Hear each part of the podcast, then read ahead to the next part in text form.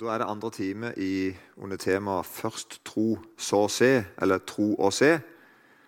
Og Vi konkluderte forrige time med å si at sånn er det. Du som tror ordet om Gud, du skal en dag se Gud. Og at det på en måte ser jeg, ja, vi, ser flere ganger i Bibelen at det er sånn det fungerer. Og Vi skal se litt mer om det nå. Kjære Jesus, vær her fortsatt med din ånd. For navnet ditt skyld. Amen.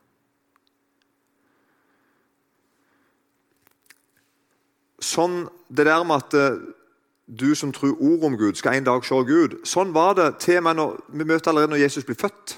Og det vi har hatt om et par ganger før her på Logos. At Maria, mor til Jesus, hun trodde budskapet hun hørte om Jesus. Det står at Hun gjemte det i hjertet sitt og grunna på det. Det var ikke sånn at hun forsto alt, men hun trodde alt. Og Det er en stor forskjell på det. Og Derfor ser vi at Maria trodde budskapet om Jesus.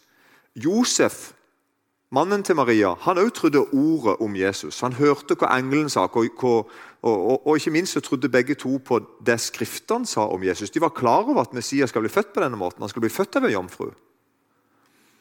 Og Gjeteren var det også sånn med, gjeteren på marken de også trodde på kjennetegnet. og Litt av et kjennetegn de fikk. Du skal finne et barn som er svøpt og ligger i ei krybbe. Det liksom var tegnet på at Når du, når du finner det, da har du funnet liksom kongenes konge, frelseren. Og Så sprang de av sted og så trodde de på det. At hvis vi finner en baby som er svøpt inne i et, i et klede og ligger i, i, eh, i eta, altså det vil si altså der, der dyrene eter, tallerkenen til dyrene skulle jeg si Hvis vi finner den guttebabyen, da har vi funnet altså verdens frelser. Og Når de da kommer inn i en stall og ser at der ligger der en guttebaby svøpt i ei krybbe, så tenker de nå har vi funnet frelseren. Hvorfor trodde de det? Fordi at engelen sa at det var tegnet. De trodde ordet om han, og så så de han. Og Så går det, så går det eh, åtte dager. Så blir Jesus omskåren den åtte dagen, sånn som skikken var for jødiske guttebarn. Og Så gikk det 33 dager til.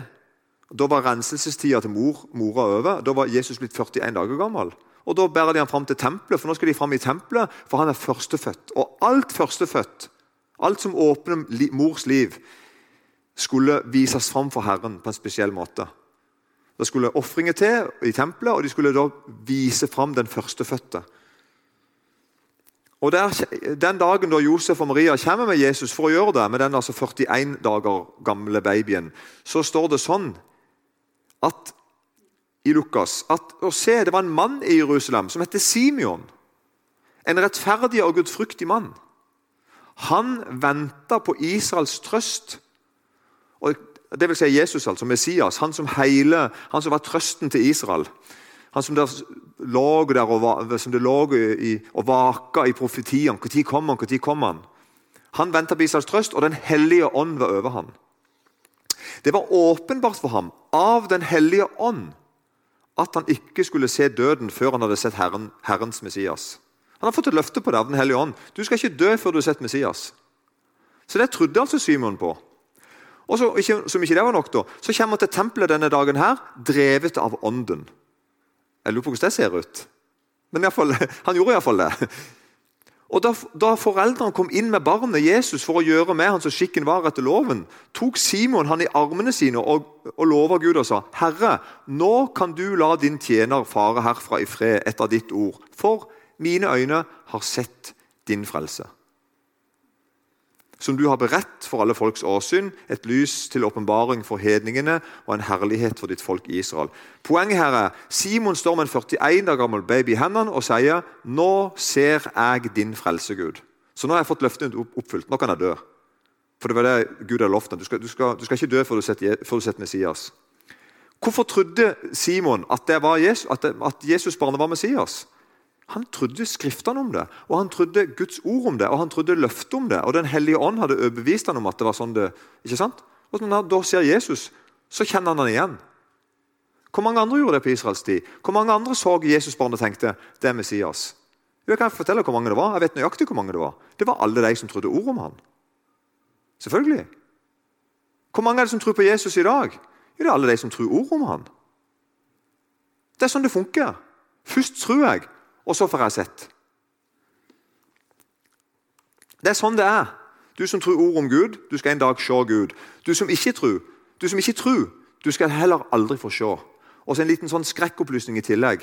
Du som ikke tror, du hadde heller ikke trodd om du så det. Noe, Bibelen sier det at eh, det er de som ikke vil tro på ordet, de som ikke tror ordet, de, de, altså de, de tror det ikke når de ser det engang. Er ikke med? Mens motsatt for de som tror ordet. Og Det er derfor Bibelen sier at kjærligheten er større enn tro og håp. For det sier Bibelen. Tro og håp er noe vi trenger nå.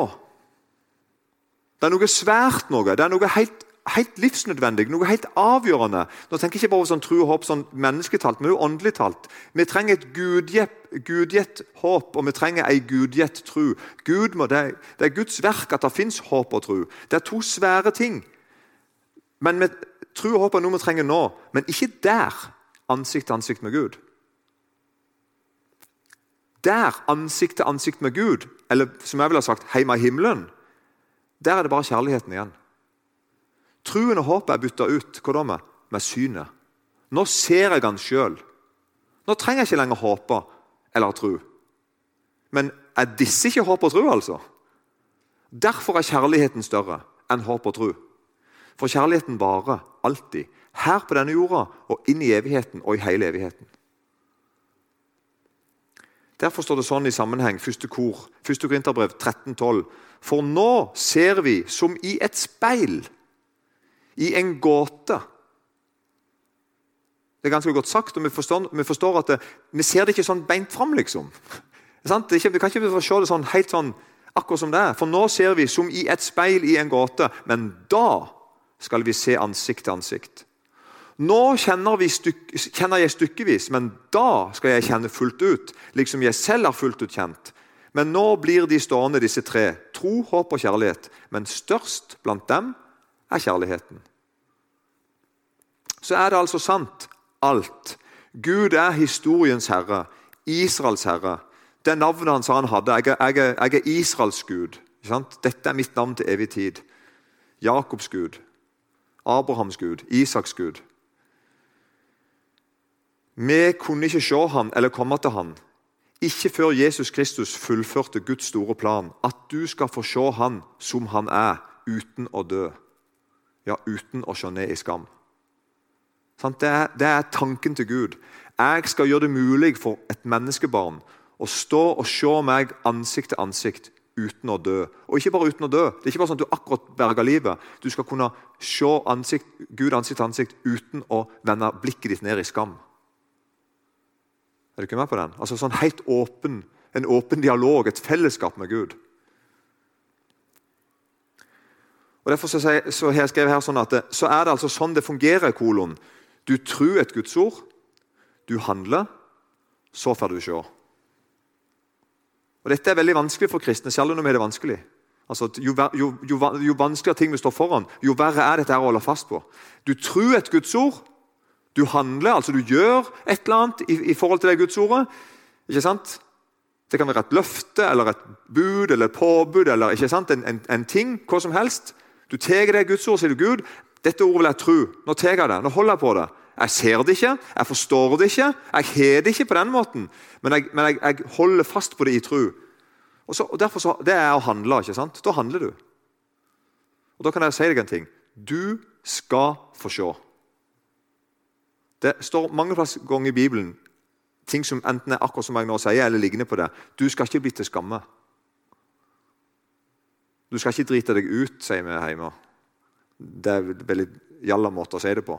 Men altså, du, du, skal ikke, du, skal ikke, stå igjen med å være han som gjorde skam på deg sjøl. Du skal ikke bli til skamme. Det du trodde på, det du håpte på, det skal en gang stå der. Interessant. Johannes 2028. Johannes 2028, Det er når Jesus er stått opp for de døde, og, og Thomas som ikke helt sikkert trodd dette her. Og Det er ikke så rart. Og Så får Thomas lov ikke sant, å se Jesus og ta på Jesus. Og Så står det sånn, så bryter det, når, Thomas sier at det er Jesus, han ser sårene hans, sine, ser i sida hans, ser på hendene hans, så bryter, så bryter, Thomas ut og sier til ham, 'Min Herre og min Gud'. Altså Han bryter ut sånn 'Det er du'. sant? Og Da sier Jesus noe interessant. Simon, Jesus sier til ham, Johannes 20, 29. Jesus sier til ham, 'Fordi du har sett meg, tror du.' Salige er de som ikke ser, men likevel tror. Det vil si du. Du som hører på nå. Du har ikke sett Jesus på denne måten som Thomas er. Det har du ikke. Fysisk i år rundt 30 en gang i Israel. Og Det er Jesus veldig klar over. Så sier han det til Thomas. Du tror for det du ser. Salige er de som ikke ser og likevel tror.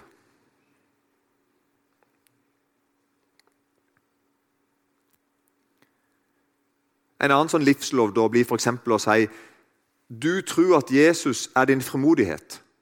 Du handler, du får se.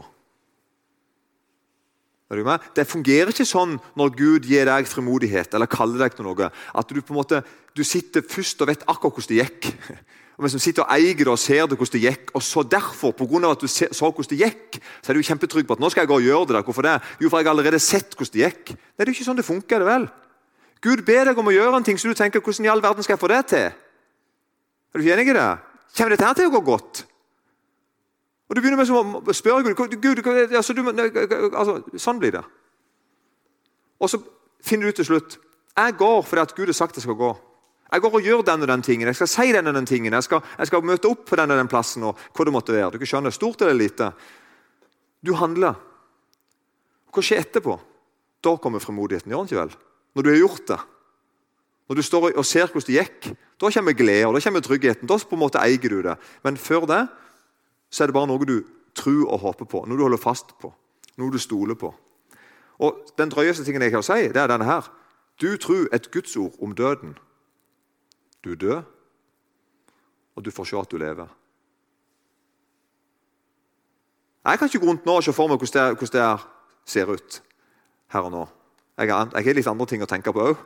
Men, men, ikke sant? Vi kan ikke se for oss hvordan er dette her. Men vi som tror at vi ikke skal dø når vi dør, vi som tror at vi har fått evig liv av Jesus og ikke engang skal smake døden når vi dør, vi skal en dag likevel dø antageligvis, hvis ikke Jesus kommer igjen før. Og Da skal du få se at du lever. Du skal få se det.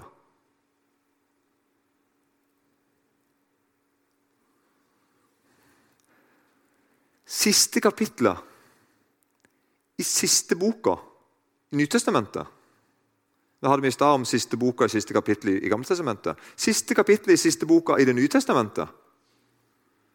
I Johannes' åpenbaring 22,1 så står det sånn Og han viste meg en elv med livets vann, klar som krystall, som strømmet ut fra Guds og lammets trone, midt i byens gate. På begge sider av elven sto livets tre, som bærer frukt tolv ganger og gir sin frukt hver måned. Og bladene på treet tjener til helse for folkeslagene.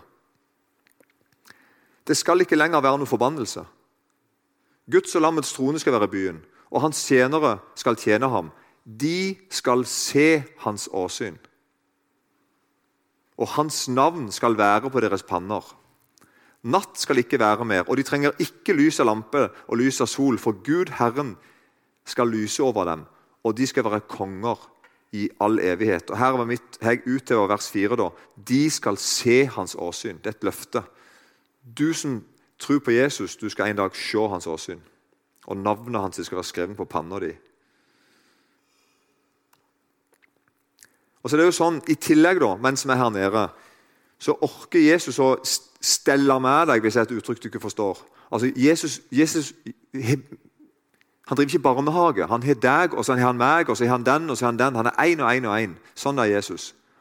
Og han orker å stelle med deg. Han vet akkurat hvem du er, hva du trenger. Og Det har vi akkurat sett nå med både Elia og Moses. ikke sant? De, kan jeg få se deg? Ja, så sa han, ja, ok, jeg, jeg, Du kan gjemme deg der, så kan jeg gå forbi sånn. så, du, ikke sant? Sånn er Jesus med deg òg. Vi har akkurat samme Gud, akkurat samme Jesus. Og vi kan, vi, kan, vi kan, snakke om Jesus akkurat sånn som Moses gjorde. Vi òg. Så Jesus han trøster ofte disiplene sine. Og I min bibel igjen da, så er det en overskrift som heter 'Jesus trøster disiplene'. Sånn, sånn står det i Johannes 14, vers 1. Det er altså så fascinerende vers å lese. Eh, jeg, ja, jeg vet ikke om jeg skal le eller grine, på en måte. Men de, dette sier Jesus for å trøste dem. For nå forteller Jesus at nå skal jeg reise herifra. Du skal ikke lenger se meg. Jeg skal hjem til Gud, til far, altså.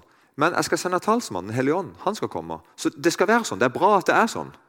Det syns jo ikke disiplene. Jeg skjønner jo det da. Det er mye bedre å ha deg her, Jesus. Vi kan ta på deg og se deg og være med deg.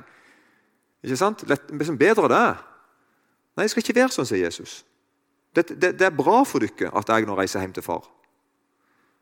Og Derfor så sier han sånn da, i Johannes 14,1.: La ikke hjertet deres forferdes. Tro på Gud og tro på meg. I min fars hus er det mange rom. Var det ikke slik, hadde jeg ikke sagt dere det. For jeg går bort for å gjøre i stand et sted for dere. Og når jeg har gått bort og gjort i stand et sted for dere, kommer jeg igjen og skal ta dere til meg, for at også dere skal være der jeg er. Og dit jeg går, vet dere veien. Er det ikke med? Det er fine vers, det her. Thomas sier til ham, 'Herre, vi vet, vi vet, ikke hvor du går hen. Hvordan kan vi da vite veien?' Han ødelegger liksom hele greia. Si. Det er det jeg ler av. Det er, så, det er utrolig bra at det står her i Bibelen. Nå har jeg sett for meg at disiplene sa ja, det, vi vet det, ja, godt. Nei, nei da, Thomas bryter ut der og sier at vent litt, nei, vi vet ikke veien. Og Jesus, da, må han si Jeg er veien. Sannheten og livet. Ingen kommer til Faderen uten ved meg. Så jeg skrev her takk Thomas for at du tar en for laget. Men det så mener jeg at det, dette her kunne jo, altså, Jeg kjenner meg igjen i det Thomas gjør. Han gjør noe som jeg tenker at han avdekker noe. At vi vet lite om han vi sier at vi tror på. Men mest av alt takk Jesus for at du orker å lede sånne som oss. Så vi ser for oss at Når Jesus den og serverer på en måte det vi kaller for som favorittversene hans sant? 'Jeg er veien, sannheten og livet', det er sånn en det ganske sånn kjernevers i Det nye testamentet. Så ser vi så for meg at det skal være sånn god bedehusstemning rundt det hele. ikke vel? Og liksom flott. Men det er ikke sånn. Vi har sett at Thomas ødelegger idyllen. ikke sant? Og det er mer. Ikke mer enn at Thomas har sagt det han sier, og Jesus svarer han på det. Så sier Philip, 'Herre, vis oss Faderen. Det er nok for oss.' Det er egentlig Philip sier. 'Jeg vil se Gud'. Det er nok. Vi trenger ikke den veien og det der, sant? og sannheten. og det der. Bare vis oss Faderen. Det er nok. Jesus sier til ham, 'Så lang tid har jeg vært hos dere, og du kjenner meg ikke, Philip.' 'Den som har sett meg, har sett Faderen.' Hvordan kan du da si, 'Vis oss Faderen'? Så Jesus egentlig sier altså, 'Er du ikke klar over hvem jeg er?' 'Jeg har ikke fortalt deg hvem jeg er.' Og Her står du og sier at 'vis dere Faderen'. Så fortsetter han. Tror du ikke at jeg er i Faderen og Faderen i meg? De ordene jeg taler til dere, taler jeg ikke av meg selv, men Faderen som blir i meg. Han gjør sine gjerninger. Tro meg at jeg er i Faderen og Faderen i meg. Om ikke for annet, så tro det for selve gjerningens skyld. Og Dette er fine vers. Det som sier at det står ikke noe i Bibelen om treenigheten. At Gud er treenig. Jo, det gjør det. Her er noe av det. Rett ut, beint fram. Går ikke an å få det med inn med teskje. Gud er en treenig Gud. Fader, Sønn og Helligånd. Én sann Gud. Sannelig, sannelig, sier dere, den som tror meg, han skal også gjøre de gjerningene jeg gjør, og han skal gjøre større gjerninger enn disse, for jeg går til min far.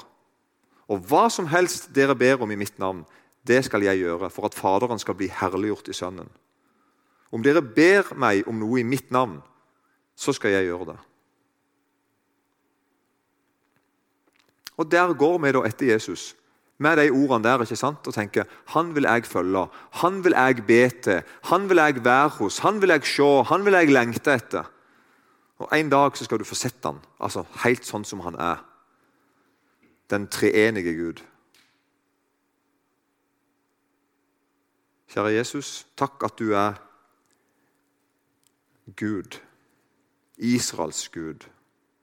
Og takk at du vil være min Gud og vår Gud. Takk at jeg kan å tro på deg, takk at jeg kan å håpe på deg, takk at jeg kan å stole på deg. Og takk at vi kommer aldri til å bli til skamme, vi som stoler på ordet ditt. Amen.